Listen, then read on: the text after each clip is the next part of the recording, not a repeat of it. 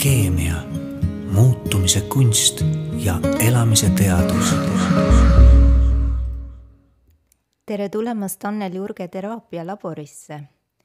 täna räägime sellest, kuidas tulla toime muutustega ja kuidas kohaneda, kui elu iga päev kiires tempos muudkui viskab uusi kilde ette. minu tänaseks külaliseks on nägija ja kanaldaja Aleksis Varnum. ta on naine, kes on enese kohta öelnud, olen see, kelle kaudu ja kellega kõneleb universum. tere tulemast stuudiosse, Aleksis.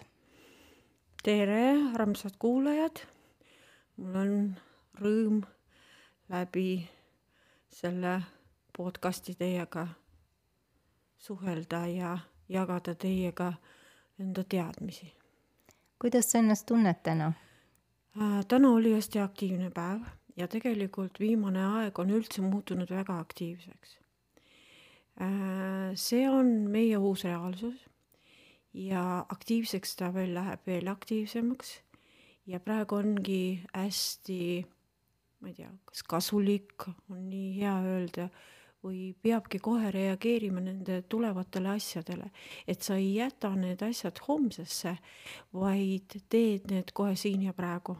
Tekkis mingi asi, kohe võta käed ja jalad äh, kätte ja hakka sellega tegutsema. Ähm, parem ongi, kui need asjad ei kuhju, aga kui on võimalus täna need ära teha, siis tee ära sellepärast, et äh, selline aeg on praegu hästi aktiivne ja hästi kiire luba, ma õnnitlen sind kõigepealt eh, sinu kahe raamatu puhul, mis viimane alles nägi trükivalgust mm. -hmm. aitäh. Aleksis, sulest on tulnud kaks raamatut, eh, siis Uus reaalsus ehk kuidas tulla toime muutuva maailmaga ja nüüd eh, äsja ilmunud Armastus ja suhted uues reaalsuses.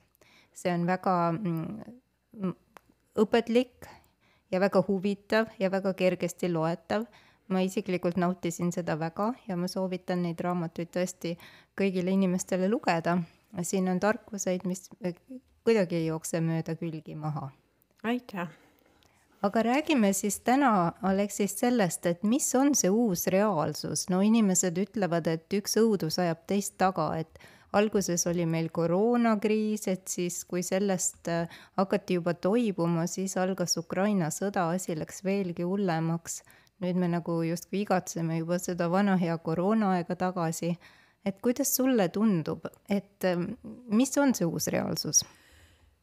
Äh, uus reaalsus on see, kui sa oled täielikult tasakaalus iseendaga. see ongi see uus reaalsus.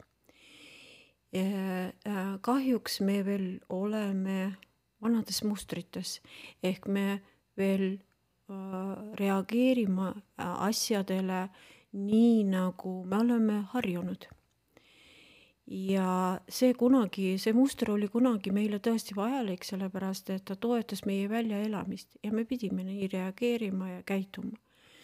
nüüd, äh, kuna meie tähelepanu on ikka suunatud nendele vanadele kogemustele ja, ja me proovime ju teisiti reageerida, aga praegu on tekkinud selline seisukord, et me oleme nagu liikunud mööda tumedat tunnelit ja tulime nüüd valguse kätte, aga mitte muhvigi ei oska selle valgusega veel teha, me ei oska selles valguses veel orienteeruda, me ei oska olla veel loojad.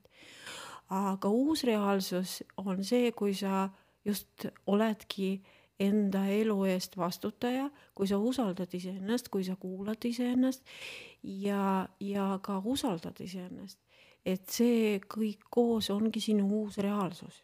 tegelikult sa oskad ennast väärtustada, kus sa oskad olla tänulik nende asjade eest, mis äh, sinu elus juhtuvad igapäevaselt, mida sa omad praegu ja, ja kui sa veel oskad veel need asjad kõik omavahel tasakaalustada, siis ongi sinu uus reaalsus tegelikult loodud. ja kui sa sellest veel tunned ennast hästi, sisemiselt tunned ennast hästi, sellepärast et me kaua oleme rääkinud sellest, et mõtted loovad meie reaalsust.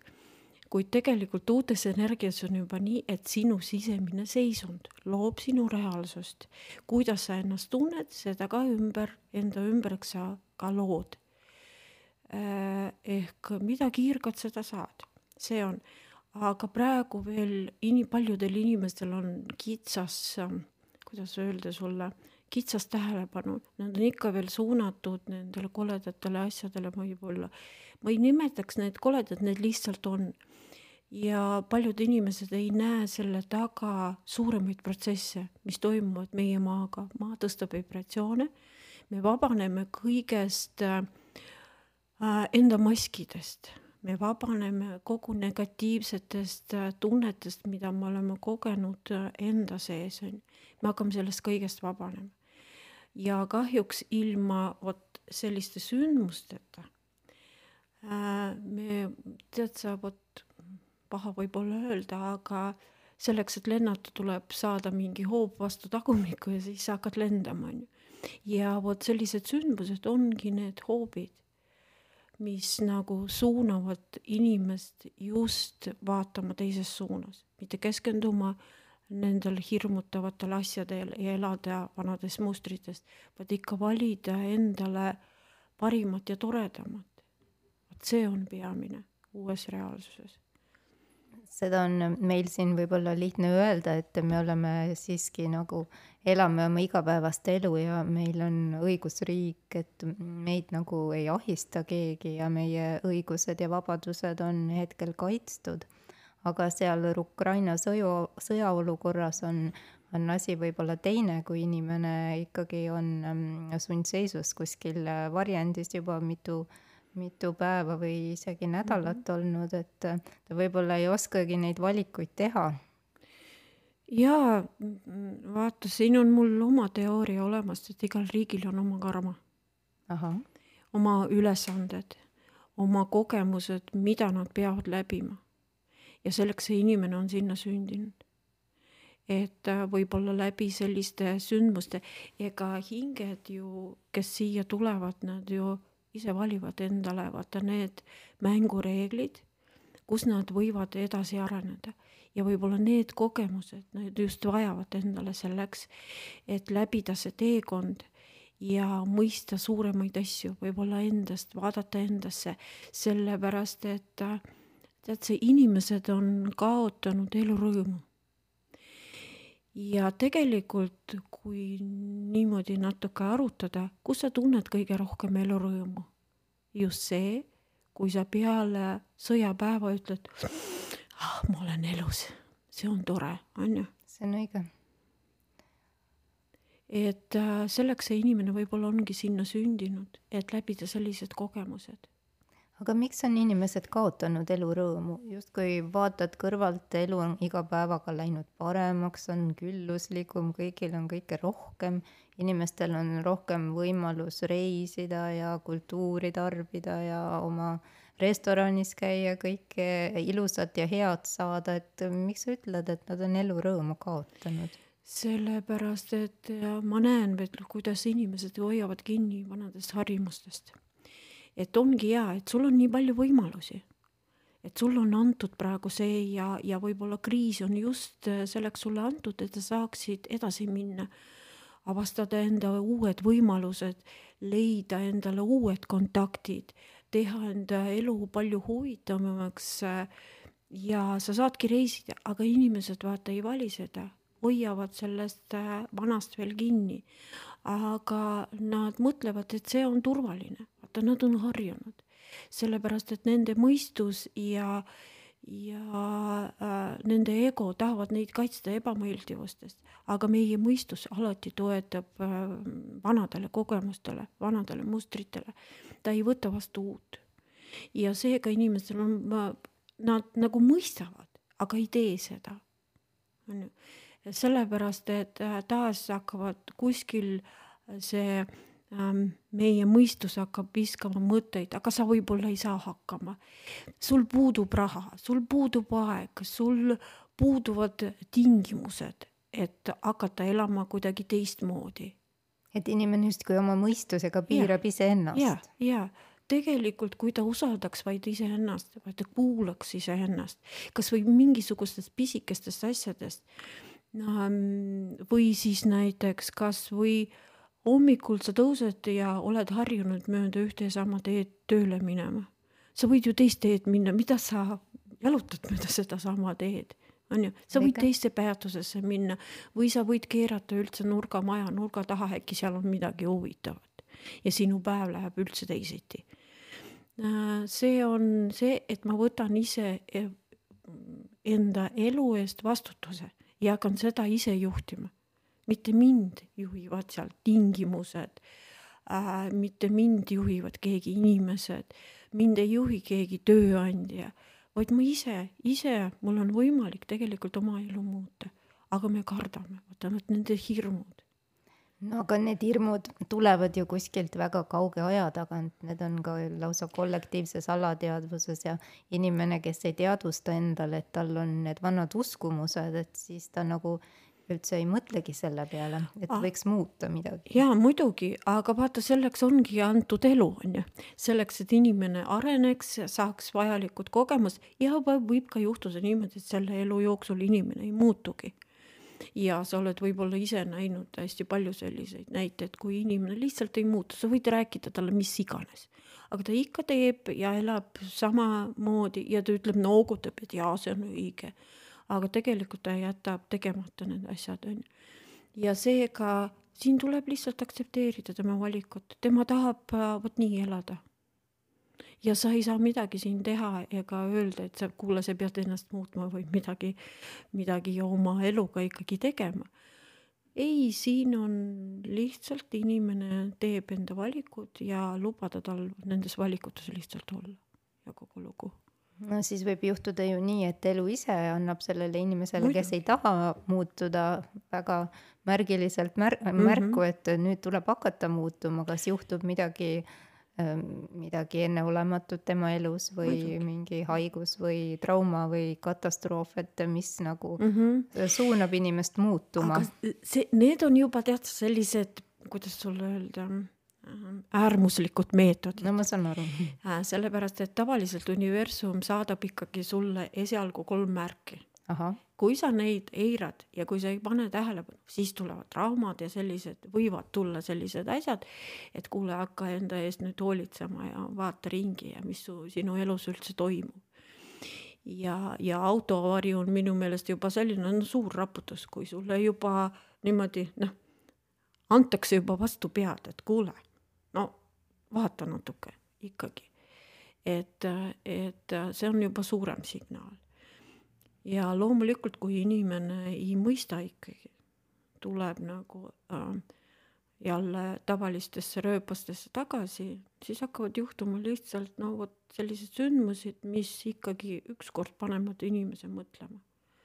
et on vaja midagi teha oma eluga ma olen veendunud, et Eestis on väga suur hulk inimesi, kes siiski tahab muutuda ja kes on aktiivselt enesearengu teel ja nad käivad äh, siis vastavatel koolitustel või loevad ise palju sellist äh, informatiivset nagu sinu raamatuid näiteks. kuidas sulle tundub, ähm, kas need inimesed ähm, saavad veel siis äh, suhelda nii-öelda samal tasemel nende nii-öelda siis vana aja inimestega või mis on inimeste suhetes uues, uuel ajastul muutumas? Nad saavad küll suhelda, aga kui nad ei hakka äh, neid inimesi muutma, vaata, ma ei jõua, hakkan sulle midagi tõestama, sa pead ju mõistma, kuidas mina näen maailma. see on tead äh, sarnane sellega, et äh, vaata, kui kaks inimest istuvad ja mäletad, nõukaajal olid sellised mänguasjad nagu kaleidoskoobid jah, mul oli ka ja selline., ja, ja vaata, kui kaks inimest istuvad ja üks vaatab oma kaleidoskoopi, tal on enda muster seal sees ja teine samas istub kõrval ja vaatab enda kaleidoskoopi ja tal on absoluutselt teine muster sees mm. -hmm. ja siis nad hakkavad vaidlema meie, kel, kellel on parem muster. ja nad absoluutselt näevad maailma lihtsalt noh, täitsa erinevalt. ja siin tuleb selle inimese äh, elu lihtsalt aktsepteerida ja aktsepteerida tema arengu, arengu noh, vot sellist äh,, kuidas ta areneb, mis kiirusega ta areneb. et ma ei tule nagu oma asjadega, on ju äh,, tema nagu aeda ja hakkan seal toimetama ja tegutsema. loomulikult see võib inimesele mitte, mitte meeldida. Ja, ja suhted praegu nendes uues reaalsuses on see, et see on lihtsalt nagu inimese kooslus. see ei ole enam mingisugune, kus me peame teineteise ees mingisuguseid kohustusi täitma selleks, et välja elada.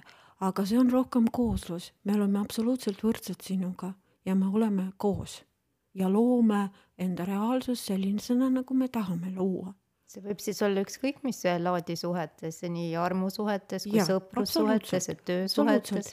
et sa, et sa ikkagi oled koos inimesega kes on noh, kes võtab äh, vastu sinu maailma, kes ei võitle sinuga, kes ei ürita sulle midagi peegeldada ja näidata, kes ei tõesta sulle midagi ja ka sina ei tee sama temale vastu. et ei ole nagu kaks, kes on kaks universumit, kes nagu võitlevad omavahel.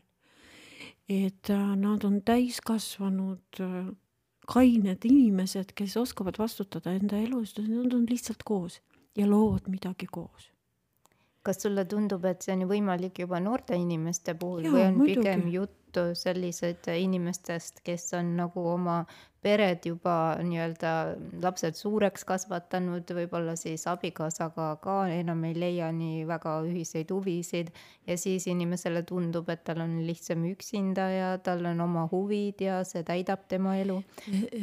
üks joontest, üks uue reaalsuse joontest ongi nii, et võimalik, et inimene kasvab nii kaugele, et ta lihtsalt mõistab, et ta ei vaja karku enda kõrval suhete et ta ei vaja rohkem suhteid. ta ongi huvitatud uues, ta tahab liikuda edasi, ta tahab liikuda enda tempos, et keegi talle, teda ei käsutaks ei ütleks, et sa pead vot nii, nii, nii tegema, on ju. ta, ta ise tunneb sees sellist suurt huvi uue suhtes, ta tahab muutuda ja, ja ta lihtsalt no mõistab, et ma tahan vastutada enda elu eest. Ja mul on huvitav olla üksinda, kogeda seda maailma, vaadata, kes ma olen, kus ma olen, mida ma tahan tegelikult. ja, ja ta lihtsalt, lihtsalt mõistab, et selleks ma ei vaja suhteid, võib ka niimoodi olla samas äh, uus, uues reaalsuses suhete loomine hakkab mitte baasvajaduste rahuldamisest, vaid just sellest, et inimestel on huvitav olla teineteisega, suhelda, rääkida, et me ei varja teineteisest midagi, et me räägime asju absoluutselt ausalt. ja, ja ma ei hakka ennast ohverdama teise inimese nimel. ma olen ikka see, kes ma olen, ma ei, ma ei pea selleks ennast muutma selleks, et mind teine inimene hakkaks armastama. me oleme kaks võrdset inimest. sinna tuleb kasvada. ja, ja. sest et need vanad mustrid on ikkagi inimestel veel vägagi sees ja. ja palju on äh, Eestis seda nii-öelda kaassõltuvust, kus inimesed siiski panevad teise inimese huvid enda huvidest mm -hmm. esiplaanile ja siis hakkavad inimest päästma ja tihtipeale naised just võtavad endale sellise päästja rolli. aga nad võivad ja olla agressorid näiteks töö juures. Nad võivad olla agressorid sellepärast, et äh, kunagi nad on haiget saanud ja niimoodi nad üritavad ennast kaitsta. Ja nad võivadki agressorid olla töö juures, kus kõik on rivis ja kõik on omal kohtadel ja nad absoluutselt kõike totaalselt kontrollivad samas see naine tuleb koju ja on ohver, vot seal on ta ohver. aga ta võib olla näiteks ka päästja oma sõpradele, tuttavatele, vanematele, ma ei tea, vendadele, õdedele, sugulastele, kõiki, kõik, kõigile suguvõsale võib-olla. Ja, ja niimoodi ta jookseb mööda seda Karpmani kolmnurka ja ei saagi sellest välja. ta saab välja sellest alles siis, kui temas tekib otse terve mina. terve mina kes hakkabki vastutama enda elu eest. räägime sellest vastutusest iseenda elu eest, et mida sa silmas pead, kui sa ütled, et see inimene tead, peab vastutama iseenda eest äh,? see on see, et ma olen julge mm -hmm. tegema valikuid. Ma olen julge elada nii, kuidas ma sisemiselt tunnen. ma olen julge teha seda tegevust, mis mulle meeldib. ma olen julge seista oma positsioonide eest. ma olen äh,, oskan usaldada iseennast, enda tundeid, enda seisundeid, kuidas ma näiteks hommikuti ennast tunnen, kas ma usaldan seda või, või kuidas ma sellega käitunud. et inimene nagu äh, nagu ise loob oma elu. vaata oma, oma selliste sammudega, oma käitumise valikutega. ehk kui ta tahab heas seisundis olla, milles probleem? ei ole üldse probleemi. küsimus on, et inimene lihtsalt võib-olla ei oska. ma olen kindel, et ka sinu vastuvõtule on mm -hmm. ilmunud palju niisuguseid inimesi, kes ongi selles nii-öelda Karpmani kolmnurgas mm -hmm. tiirleb ja tal võib-olla ongi äh, soov sellest välja tulla, aga kuidas ta oskab seda teha? Äh, ta oskab teha, hakata tegema seda siis, kui ta mõistab, et äh, mingi jama minu elus vist ilmselt toimub. korduv jama siis jaa, kordub. et, et võib-olla isegi see võib väljenduda siis näiteks, kui naine ühest abielust läks lahku, siis tal on järgmised suhted, aga suhted on täpselt samasugused ja kui jälle taaskord kordub muster või näiteks naine on ühest äh, suhtest läinud välja, kus ta oli, kus tema abikaasa oli sõltuvuses ja ta tuli sellest ikkagi kuidagi välja. ja ta läheb järgmisesse suhte, et kus on jälle sõltuv äh, meesterahvas. Äh, sellest saab ainult välja tulla siis, kui sa hakkad nägema ja mõistma, et tuleb midagi muuta vot see elu muutmine hakkab lubadusest või, või ma luban endale, ma luban endale ja otsustan, et ma luban oma elul muutuda. vot sellest lubamisest, et ma luban end. kui ma luban enda elul muutuda, siis ma olen ka vastutav kõikide nende asjaolude ja situatsioonide, võib-olla inimeste, sündmuste eest, mis võivad peale seda otsust tulla. aga uus ei sünni niimoodi, tead et järsku ma olen täitsa uus. ikkagi esialgu peab see vana hävima. ja vot siis, siis hakkab see uus, aga selleks inimene peab ise mõistma, et tema elus on probleemid olemas. isegi kui ta seda mõistab, ma olen rääkinud paljude inimestega, kes ähm, mingil põhjusel siiski ei julge seda sammu teha mm, -hmm. sest nad lihtsalt kardavad seda üksi olemist, nad ei olegi võib-olla kunagi üksi olnud, nad on kogu aeg olnud suhtes ja siis neile tundub, et nad mm -hmm. ei ole mhm. kuidagi enam väärtuslikud, et kuidas siis üksi olla, et millega seda tühjust täita. ja, ja see on, see ongi kõige raskem jääda üksinda iseendaga ja hakata nagu nägema ennast teiste, teiste silmadega et, et ja paljud naised on ju ka materiaalses sõltuvuses. muidugi äh,. korterid, seal vara, lapsed ja kõik see, et see on vahest, vahest mehe ja naise asjad on niivõrd omavahel seotud ja naine ei jää, ei näe või meesterahvas ei näe väljapääsu üldse. et kuidas sellest nagu välja tulla, sellepärast nii jagamist on kõike. aga ma mõtlen varem või hiljem sellised, kes juba on hakanud sellest mõtlema, et mingisugused muutused toimuvad. Praegu need energiad toetavad nii, et kui sulle midagi sinu elus ei meeldi, siis kindlasti juhtuvad sündmused, et sa pead selle ära muutma. vot mis iganes, ma olen sellele juba kinnitusi hästi palju, isegi, isegi väike näide, mulle ei meeldinud käterätik, millega ma käin basseinis.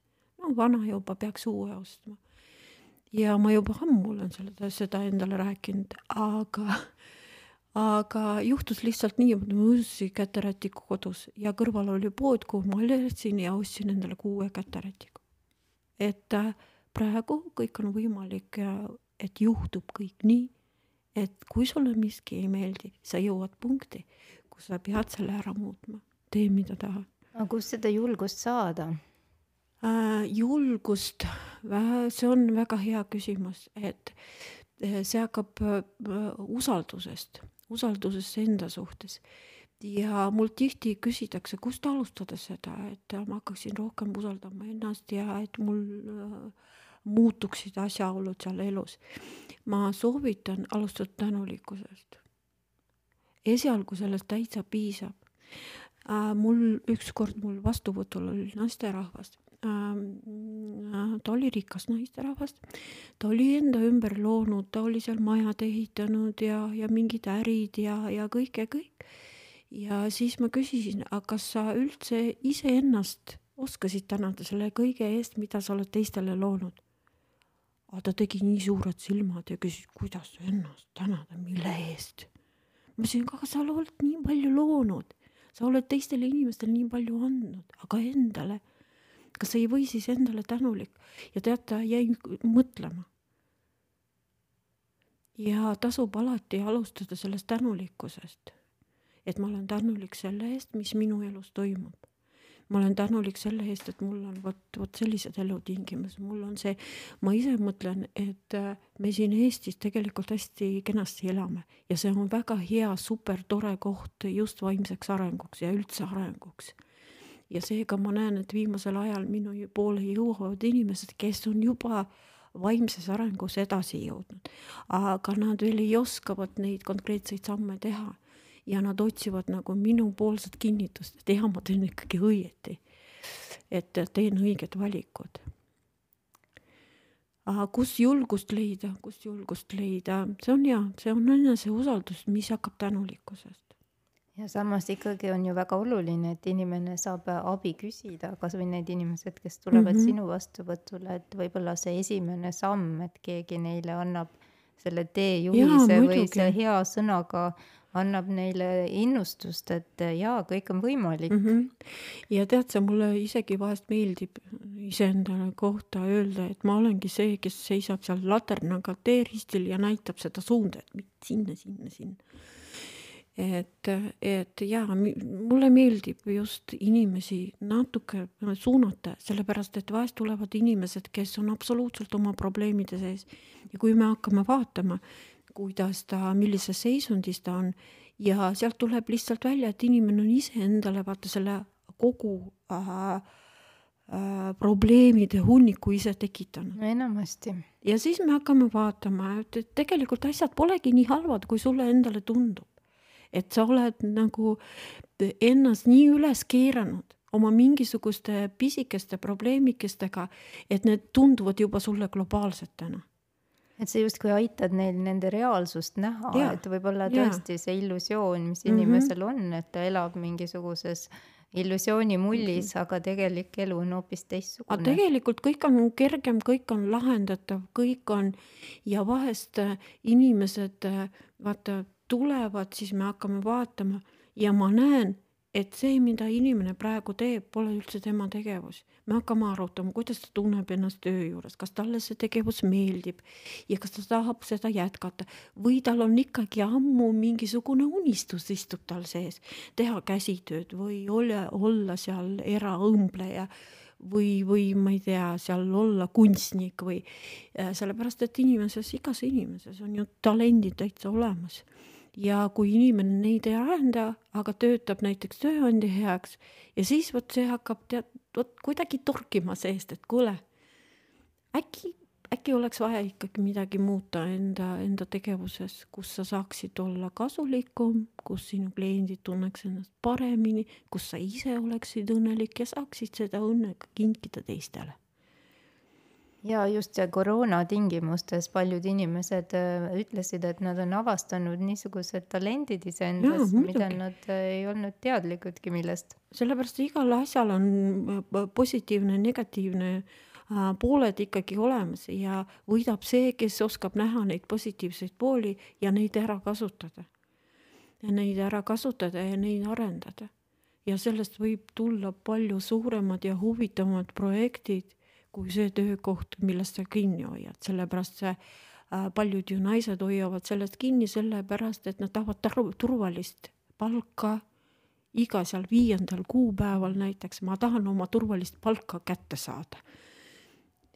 siis ma ei pea ju mõtlema, vot siis me arutame, siis me arutame, et võib-olla tõesti, vahest tõesti kaardid näitavad seda, et no see pole sinu tegevus me võime aruta, arutada muud tegevused, mis sind huvitavad, kas sellel on perspektiivi või mitte. aga kaardid ja vast näitavad kohe konkreetselt nii. see pole sinu tegevus. räägime sinu meetodist ja kuidas inimesed üldse satuvad sinu juurde. Ma tean, et sa oled väga tuntud ja tunnustatud nii-öelda prohvet, ma ütleksin selle kohta, see on nüüd minu väljendus. aga sul on oma Facebooki leht, kus sa siis annad äh, peaaegu iga päev energeetilisi mm -hmm. nii-öelda teadaandeid, et mis tänasel päeval tuleb silmas pidada ja mis energiatest oleme me ümbritsetud mm. -hmm ja need on alati väga positiivsed, et ma loen suure soojusega südames, et äh, seal ei ole mingeid äh, manitsusi ega hoiatusi, et, et. vahest võib... on, vahest, vahest tulevad sellepärast, et ma hommikuti ju ka ju vaatan enda kaarte, et mida kirjutada ja millele toetuda. kust sul see tuleb? ma ei oskagi, see on, see on juba nii, kuidas öelda, automaatseks.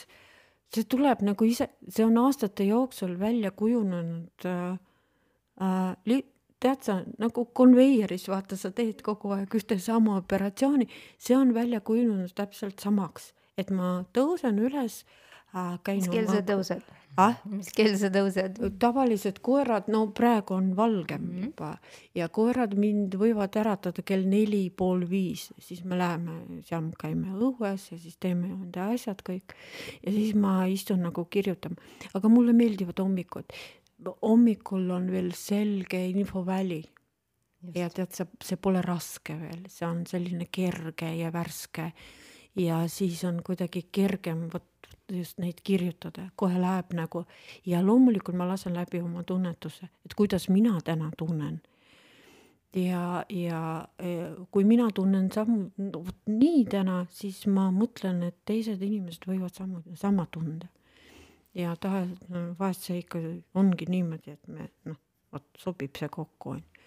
ja siis ma niimoodi kirjutan ja mulle meeldib see kirjutamine. mulle Kuidas... üldiselt meeldib kirjutada millist tagasisidet sa oled saanud, kas inimesed äh, saadavad sulle tagasisidet? ja esimese raamatu kohta ma olen palju juba saanud äh, tagasisidet, kus inimesed tänavad tänavad selle eest, et, et nad oskavad rohkem ennast nüüd väärtustada võib-olla, mõnedele asjadele tähelepanu pöörata. selle teise raamatu suhtes ma veel pole saanud nagu, aga see on just äsja ilmunud, et võib-olla noh, sinu käest ma näiteks juba sain, et ja äh, aga ja võtavad küll hästi-hästi vastu ja, ja ma mõtlen, et tuleb veel raamatuid kas sul on juba idee idanemas? Mm, no ma praegu veel hoian seda saladust. Äh, ja, aga ja idee on juba olemas. aga räägime siis sinu vastuvõtust, et äh, ma küsisin, kuidas inimene ah. leiab äh, tee sinu juurde tihti varem no ma olen Facebookis varem olen oma vastuvõtte reklaaminud reklaaminud ja sellest rääkinud ja võib-olla kutsunud inimesi kokku. nüüd me rohkem ei vaja seda. ma võin muidugi, et sellepärast, et paljud inimesed lihtsalt küsivad, kas te vastuvõtte teete, nüüd ma viimati olengi kirjutanud Facebooki ja ma teen vastuvõtte ja minu poole saate tulla ja saab täitsa kiiresti võib-olla saada isegi, et ei pea seal pikad järjekorrad ootama. ja, ja saab ainult kirjutada mulle ja kogu lugu, me lepime kokku, mul on seal kõik andmed tegelikult Facebookis olemas, telefon, kuhu saab sõnumit saata või siis email, kus, kus, kuhu saab kirjutada või siis Facebooki lihtsalt sõnumitesse saab kirjutada ja me lepime kokku, et nii mind, aga inimesed on juba minu kohta hakanud jagama, jagama informatsiooni teineteise vahel ja siis lihtsalt äh, keegi võib helistada ja küsida, et mul on teid soovitatud teie poole nagu pöörata, et mul seal vot keegi käis teie juures ja siis nagu soovitas teie. varem ma tegin rohkem vastuvõtte. nüüd viimane selle pandeemia aeg ja, ja viim-, kaks viimast aasta võib-olla ei ole nii palju. ja aga tegelikult ma näen selles ka seda, et inimesed on rohkem teadlikumad nad juba ise hakkama, saavad hakkama äh, kuidagi nende uute energiate või võib-olla uute ähm,, läbi uue teadvuse, läbi uute mõtete on ju, nad saavad äh, mõista, kuidas saab oma probleemidega hakkama. kuidas saab äh, nagu lahendada mingisugused eluprobleemid. Ja nad juba rohkem seda mõtlevad ja mõistavad, kuidas käituda ja nad ei vaja nagu toetavat sellist isikut, kes nagu kinnitaks äh, nende, nende samme. et nad on rohkem iseseisvad juba ja rohkem inimesed usaldavad iseennast. muidugi veel on hästi palju vihavaenu, võit, võitlemist ja, ja kõike seda. Äh, ja aga, äh, aga noh, inimesed oskavad juba valida aga mis küsimustega inimesed pöörduvad sinu juurde? no suurem osa see on tööküsimused, suhted ja võib-olla terviseseisund, finantsid. sellised küsimused rohkem nagu, aga suurem osa on muidugi suhted, suhted. ja minuni jõuavad suurem osa naised, kes juba mõistavad, et nad tahavad oma elu muuta ja nad on isegi teinud enda sees mingisugused valikud ja otsused, aga tahavad ikkagi kinnitust saada, et jaa, et, et see minu otsus on ikka õige otsus, et ma noh, vot teen ikka õied, õiged sammud. et ma käitun ikka õigesti ja valin õigeid asju endale. Äh, ja seega on jah, suhete probleem, suurem osa on suhete probleem. Äh, hästi palju on lahutusi sellepärast et inimesed juba, nad mõistavad, et nad ei sobi omavahel kokku. et äh, tead, on inglise keeles selline lause nagu mission completed ja nad lihtsalt jõuavad sinna punkti, et nad mõistavad teineteise suhtes, vot see mission completed, et see missioon on täidetud, on ju. Nad tunnevad, et rohkem meil pole nagu teineteisele midagi anda et me võiksime juba rahulikult minna oma teed ja siis vaadata seda maailma teiste silmadega, võib-olla saada mingisugused uued kogemused. ja üldse, et väljuda sellest, et me hoiame teineteisest kinni. et jah, et paljud inimesed juba on teinud otsuse liikuda edasi ja nad näevad, et need vanad suhted, mis nendel on, on lihtsalt piiravad no aga nende taga on ka see vana uskumus, eks, et muidugi. kuni surm meid lahutab mm, -hmm. et tänapäeval on mm -hmm. see mhm. juba küll, kuni elu meid lahutab aga, aga sellised asjad muidugi loomulikult on ja siin on tead, mis peamine anda vot äh, sellele inimesele äh, usku, et ta saab tegelikult kõike muuta, kui ta vaid tahab. loomulikult tal on vaja, vaja valik ka olla selles äh, selles vanas mustris, ta võibki sinna jääda. aga siis ta peab sellega leppima. et ma valin selle vana mustri, aga kui ma lepin sellega, ma valin selle mustri, ma tahan selles valima. olla, et ma iseennast aktsepteerin, et ma võtan vastu, et ma ei võitle. muidu vaata, jäävad kinni vanades must- ja veel võitlevad sellega, võitlevad nagu hästi niimoodi rängalt võideldakse aga siin, kui sa tahad vanasse jääda, ega keegi sulle ei ütle, et hakka oma elu muutma, ei, sa ise teed selle valiku. aga siis lepi iseendaga, et ma olen selles valikus, ma tahan selles olla. ja siis elu läheb teisiti. sa lõpetad selle võitlemise. milleks nagu, mille eest siis võidelda, kui ma lepin räägime sinu meetodist ka, et kui inimene tuleb sinu vastuvõtule, et ja räägib sulle siis oma probleemi, et kuidas sa siis ähm, äh, ise oma hinnangu kujundad äh,? mul on enda loodud kaardid, ma neid nimetan kallatiteks ja see on mulle instrument. et ma ei ole see selgeltnägija, vaata, kui näiteks klient tuleb uksest sisse, ma võid mitte midagi mulle rääkida, ma tean sinust kõik, ma näen sinust äh,, sinu kogu elupilti. ja et polegi vaja tulla, ma tean juba sinust kõike. et ma pole selline muidugi. ja kui inimene tuleb minu poole, siis ma alati küsin, mida sa tahaksid vaadata, mis on need teemad, mis sind huvitavad äh, ja, ja millest me alustame, alustame sellest, et inimene võtab mulle pakist välja kuusteist kaarti. Ja siis me vaatame Äh, mis inimese ümber praegu toimub. sellepärast, et äh, loomine, oma reaalsuse loomine hakkab käesolevast hetkest. me vaatame, mis on hetkeseisund, mis on need asjad, millel tegelikult tuleks noh, tähelepanu pöörata ja sealt me hakkame nagu minema edasi. et me vaatame, mis inimese ümber toimub, pärast me lähme sinna, kui inimene soovib tegevuse valdkonda, suhete valdkonda äh,. No mis iganes huvitavad küsimused seal on, sellepärast et inimestel on, võivad olla hästi huvitavad erinevad küsimused. Kes on äriga seotud, kes on oma lastega sealt tugevalt seotud, kes on äh, abikaasa päästja, jälle päästja roll on ju ja, ja siis me hakkame sealt edasi vaatama nende kaartide, küsima kaartide. me, ma, ma ei, ma ei tee nii, et me küsime mingisugust konkreetset küsimust, on ju. et äh, küsime nagu konkreetset küsimust kaartide käest. ma teen pigem nii, et äh, kui inimesel on äh, näiteks mingid küsimused seotud tööga siis me vaatame, aga mida kaardid selle, sellega, võta ja klient ise valib kaardid, mina ei vali. klient ise tõmbab ja ta tõmbab alati need, mis on hetkel talle vajalikud. ja selle alusel me saame vaadata, et mis nagu kaardid räägivad no näiteks sinu töökoha kohta või sinu suhete kohta, et mida nad räägivad. ja siis me vaatame niimoodi situatsiooni ja vot sealt võivad tulla avastused et vahest ongi nii, et inimene hakkab mõtlema, vahest keegi punastab, sellepärast et ilmselt ma kuskile noh, vot saan selle mingisuguse äh, maha maetud koera kätte ja me tõmbame sellest sealt välja. et siis inimene hakkab teisiti asju nagu nägema, hakkab nägema.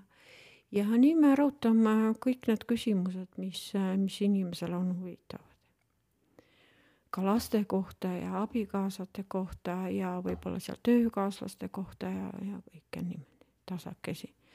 ja kaardid on kui mulle kui instrument, mis räägivad sellest, mida antud hetkel inimesel toimub tema elus räägi palun nende kaartide saamisloost ka, ma olen, ähm, mul on au olnud neid kaarte näha mm -hmm. ja mhm. need on väga huvitavad, ma kirjeldan kuulajale ka niisugused mm -hmm. erinevad värvilised mosaiigid on seal, erinevad äh, sümbolid, erinevad tähendused, aga neid äh, oskad ainult sina lugeda mm. -hmm.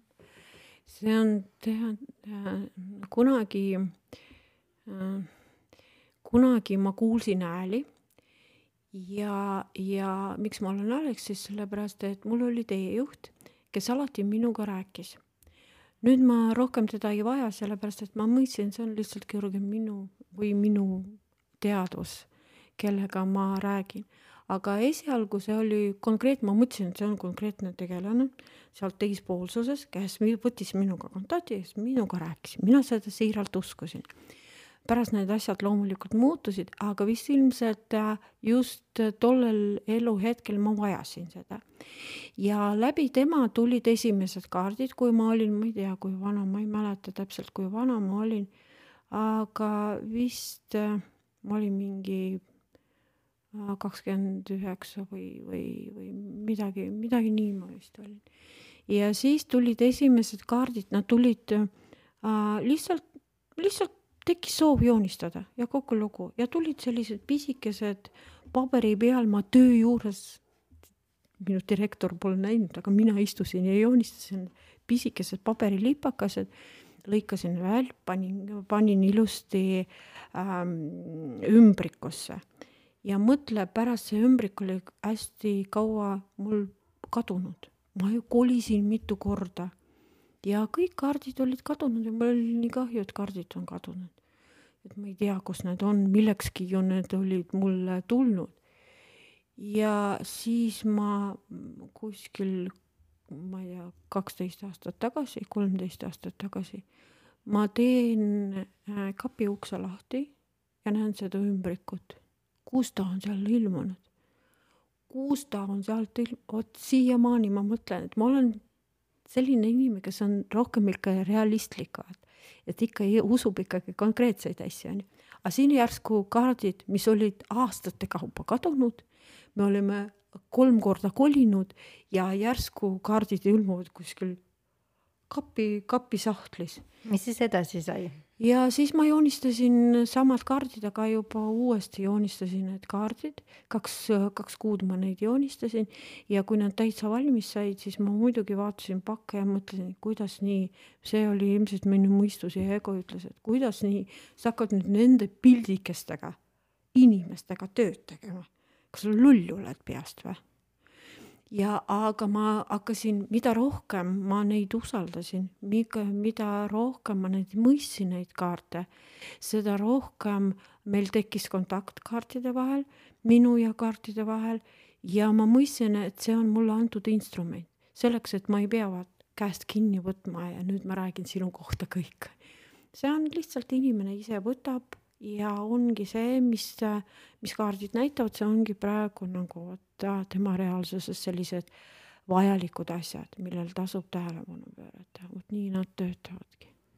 ja kas pärast siis ähm, nende kaartide uuesti joonistamist, kas see, see tõi sinu ellu ka mingi muutuse, ma sain aru, et sa enne töötasid tööandja juures. ma kas..., ma olin sotsiaaltöötaja. jah Äh, ma olin sotsiaaltöötaja, ma töötasin raske kontingendiga, narkosõltlastega. Ja kuna riik nõudis, et sotsiaaltöötaja omaks kõrgharidust ja mul oli ainult keskeri, pisipeda oli lõpetatud, sotsiaalhooldus, ma ei viitsinud tegelikult minna saama kõrgharidust.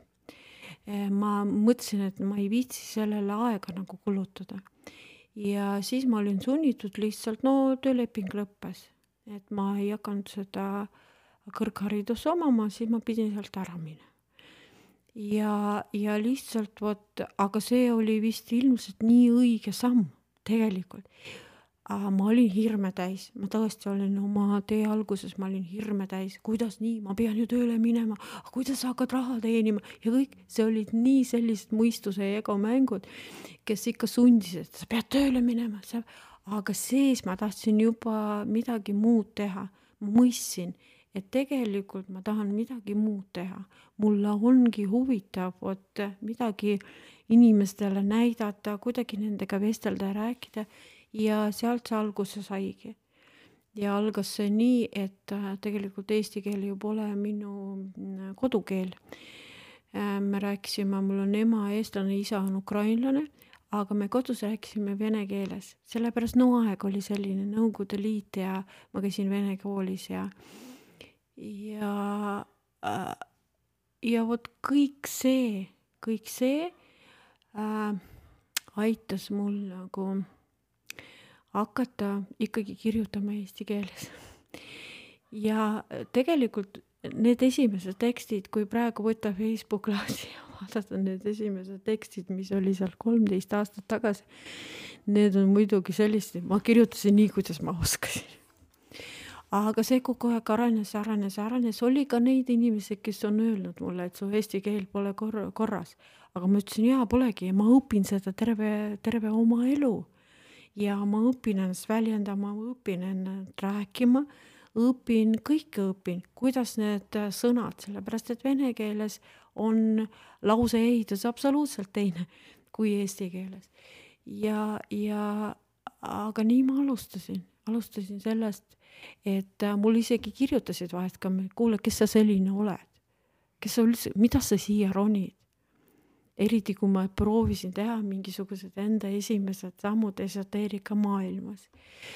kui ma ütlesin, et ma olen täiu ja, ja, ja teadja seal, teadja naine on ju, siis nad ütlesid, kes sa oled, mida sa ronid siia, kes sa oled, mine siit minema. ja ma sain isegi selliseid ähvardavaid kommentaare esialgu. aga kõik on nüüd nii muutunud, et inimesed võtavad mind väga hästi vastu ja ma olen selle eest niivõrd tänulik no sa oled ise ju üks väga positiivne näide, kuidas saada üle nendest hirmudest ja ikkagi hakata asjaga pihta, et lihtsalt mm -hmm. alustada seda tegevust ja, ja siis protsessi käisus tuleb mm -hmm. ka mhm. areng, et ka sinu keel on arenenud ja, ja sul on kindlasti see järgijaskond suurenenud mm. -hmm. et kuidas sa nüüd, kui sa tagasi vaatad nendele aastatele, mis sa oled olnud esoteerika maailmas, kuidas see on sinu elu mõjutanud? absoluutselt, kõik on, kõik on. Äh, kui võtta äh, ennast äh, nagu seal kolmteist, kaksteist aastat tagasi.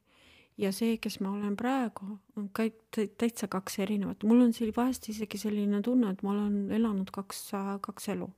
Üks on see, kuni ma hakkasin seal esoteerika maailmas tegema esimene ja teine on vot see vaimne, vaimne areng, areng, enda areng, enda pidev mingisugune õppimine, pidev enese täiendamine, pidev, see on ehk ma astusin sinna valdkonda, sellepärast see mulle meeldis, see tegevus mulle meeldis.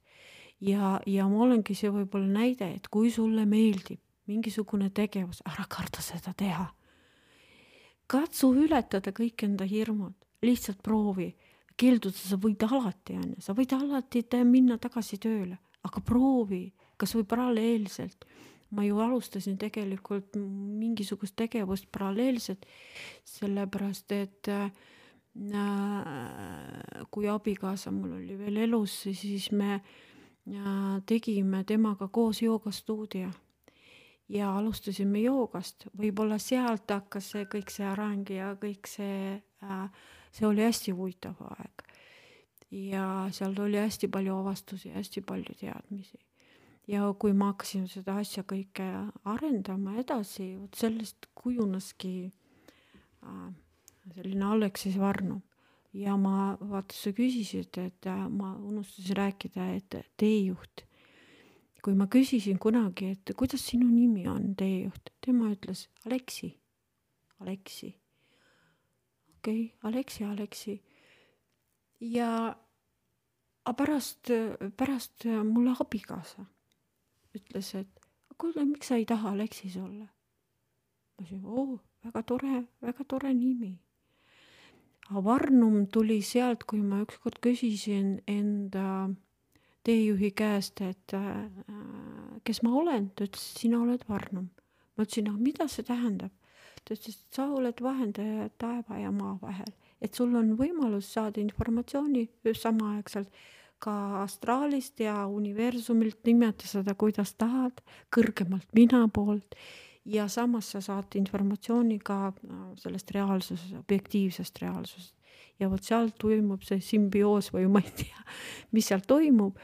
ja vot selline, sellisel kujul nagu vot see, kõik need asjad käivadki kui me oleme siin varem nimetanud oma elu loomist või oma reaalsuse loomist, et see, mida me täna tunneme, sellega meie meeleseisund loob meie homse mm. -hmm. et kui sa nüüd ennast ise peaksid ähm, hindama, et kuidas sina oled sellega toime tulnud?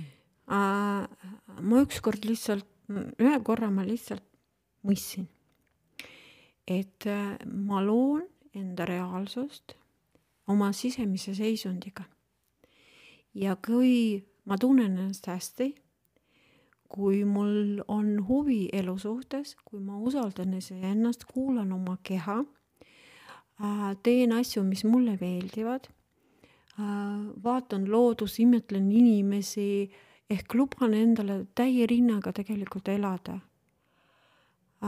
see aitabki luua minu reaalsust, kui minu sees on kõik hästi, kui ma ennast usaldan, siis minu reaalsuses toimuvad sündmused või tulevad võimalused ja ma mõistsin, et need võimalused tegelikult mina iseendale loon ja kõik sõltub sellest, kuidas ma sisemiselt tunnen. ma hakkasin loomulikult ka praktiseerima igasuguseid äh, esialgu need olid dieedid, pärast oli see sport ja igasuguseid asju ma hakkasin enda peal katsetama. sellepärast ma olen selline inimene, et kuidas sa saad jagada teistega, kui sa pole enda nahal nagu seda katsetanud. ja siis ma hakkasin katsetama igasuguseid asju ja pärast nägin et ikkagi äh, kõik sõltub sellest, kuidas ma ennast sisemiselt tunnen. ja siis ma mõistsin, et see, mis on, toimub mõistuses, on tegelikult seda ju pole reaalsuses olemas. Kui seda veel pole minu reaalsuses olemas, miks ma pean seda asja kuulama? miks ma pean pöörama tähelepanu mingisugustele mõistuse juttudele kus ta toetudes vanadele kogemuse õpetab mind, kuidas mina pean elama. aga see on ju minu enda valik, mina ju saan tegelikult valida. ja miks ma pean oma mõistust kuulama? Ma parem lepin temaga, ma ei taha tema ori olla, ma tahan temaga sõber olla ja siis ma hakkasin rääkima oma mõistusega, kuule. et äh, kui mingisugune sündmus kuskilt hirmud mingisugused tulema äh, tulevad ja siis mõistus hakkab rääkima, äkki me ei tee, äkki sa ei saa hakkama, äkki sul ei tule välja ja pärast kukud läbi ja kõik. ja siis ma ütlesin, kuule mõistus, ma väga tänan sind, et sa proovid mind sind õpetada kui sa mulle praegu konkreetseid soovitusi ei tee, siis ma ei viitsi sind kuulata praegu. ma tahan sinuga sõber olla, ma ei taha, et sa mulle dikteerid siin, kuidas mina pean äh, käituma. ja äh, aastatega see läks nii, kuidas sulle, see muutus automaatseks, et mul on hästi kerge nagu, kui isegi, loomulikult ma olen ka inimene, mul on emotsioonid, mul on äh,, mul on tunded täpselt sama nagu kõikidel teistel naistel. Äh, mõtlevad, et kui sa oled tugev naine, siis sul ei peagi mingisuguseid emotsioone ja tundeid olema, sa oled nagu sihikindel ja saavutad kõike, mida sa tahad, on ju. kui tegelikult nii ei ole. Ja kui ma lähen mõistusesse ja kuskile äh, emotsioonidesse, loomulikult naistel on kõikidel on kogu aeg emotsioonid ju sees. Ja, ja seega minu meelest pole see välistatud. Ja Äh, ja kui ma hakkasin endal ka enda mõistusega rääkima ja hakkasin rohkem enda sisemisele tunnetusele, tundele äh, toetuma, siis kogu jama see lõppes. rohkem äh, mul ei ole nii, et mõistus mulle dikteerib. siis mõistus on teener ja see ja, meistriteadvus on siis see, kes mõistuse vaigistab. Äh, ja mõistuse saate alati treenida alati, see on lihtsalt, sellele on vaja pühenduda. vaata, kui sa lähed ju spordisaali, sa oled esialgu nõrguke, teed seal harjutusi, käid seal treeningutes ja siis sa saad tugevamaks, täpselt sama on mõistusega. mõistus esialgu ei taha võtta, ta hakkab karjuma sulle vastu, et kuule, sa ikkagi teed nii, nagu ma sulle ütlen, aga sina hakkad, miks ma pean sinu mingisugused hullumeelsed ideed siin valima, ei, ma tahan valida kergemat teed näiteks endale, sest siin ma sisemiselt tunnen, et see on mulle parem. miks ma pean siis mõistusele toetama, ei pea. ma arvan, et paljudel inimestel on tugev intuitsioon, aga nad lihtsalt ei ole harjunud seda mm -hmm, usaldama, õppima. aga milline on sinu tulevikumina, me oleme nüüd rääkinud sinu äh, nii-öelda mm, siis äh, kujunemisloost mm -hmm. ja tänasest päevast, kui sa vaatad ennast mingi ajaperioodi. tulevikku? jah. no absoluutne teadmatus, absoluutselt teadmatus. Äh, kuid äh, ma ei, ma pole veel äh, nagu selgeks endale saanud, mida ma tahan konkreetselt saavutada pärast ma hakkasin mõtlema, et mul ei olegi vist äh, sellist noh, konkreetset mingisugust sihti, mida ma tahan saavutada, võib-olla, võib-olla tahaksin rohkem iseseisev olla, rohkem veel ennast usaldada, rohkem õppida seda maailma kuulama ja seda elu nautima sa ju ise tead, et esialgu on lapsed väiksed ja mingisuguse olmeküsimused ja sealt sugulastega probleemid mingisugused, nagu tavaliselt elu algaski meil on ju. varakult me pidime abielluma, varakult me pidime sünnitama ja see oli mingisugune nagu programm. aga nüüd ma tahan lihtsalt kogeda seda elu nautimist. ja tead, mida ma avastasin? Et selleks, et raha teenida, ei olegi palju vaja, palju vaja tööd teha, üldsegi praktiliselt minimaalselt sa teed tööd ja kui sa oled endaga rahul, sellega sa lööd, lood ka endale küllust. kui sa ei kiirga endast, et mul puudub, ma tahan rohkem raha, mul on vaja arveid maksta ähm,. ma ei tea, ma, ma, ma pean seal sööki ostma, ma pean laste eest, laste riiete eest ja kui sa ei kiirga endast vot seda neid pidevalt, neid hirme, siis ka küllus tuleb sinu poole. no see võikski olla ju sinu järgmise raamatu teema. jaa aga ah, see võikski olla jah, aga... et ma hea meelega jagaksin seda, seda seisundit, kuidas tegelikult saab äh, luua endale ka materiaalset äh, küllust. ja see on väga huvitav teema, aga meie tunnik hakkab täis mm. tiksuma mm. ja ma tahaksin sinu käest küsida mida sa soovitaksid nendele inimestele, kes meid täna kuulavad, kuidas siis hoida ennast tasakaalus, kuidas sina ennast tasakaalus hoiad uh,? ma oskan täielikult uh, pöörata tähelepanu enda sisemisele seisundile. enne saadet vaata, sa ütlesid mulle väga tore lause, et mida ma naisena nagu täna, täna endale tahaksin äh,. See polegi, vot naisena olemine, see pole rollide mängimine. ja, ja, ja seega vot ma olengi ümber lülitanud ennast täielikult oma sisemisele seisundile.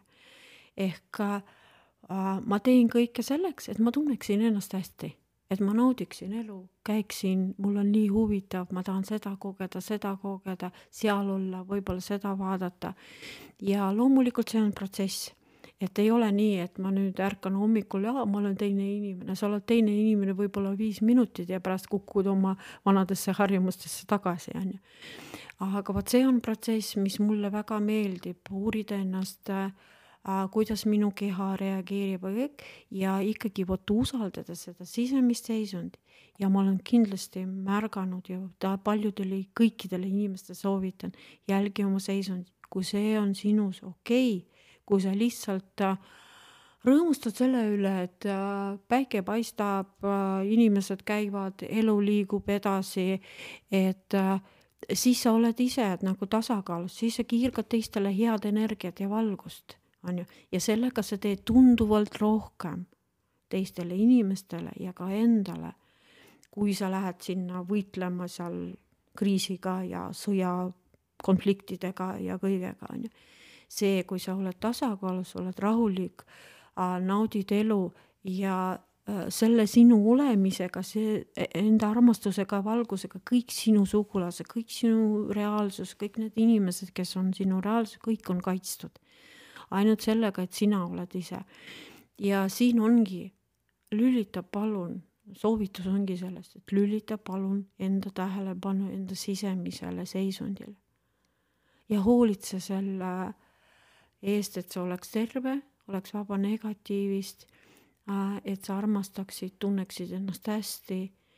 Ja, ja kui see on nii, siis ka sinu reaalsuses kõik on reaalsus peegeldab sulle enda sisemist seisundit, kui sinu sees on kõik hästi, miks siis reaalsus peab näitama sulle muid asju, ei pea.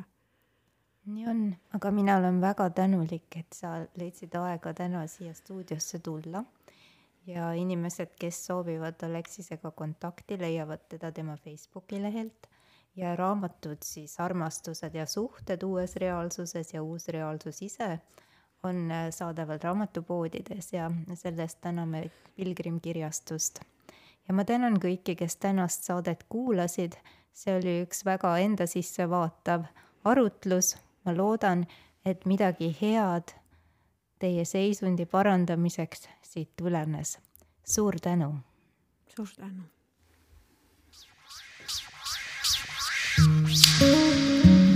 alkeemia, muutumise kunst ja elamise teadus.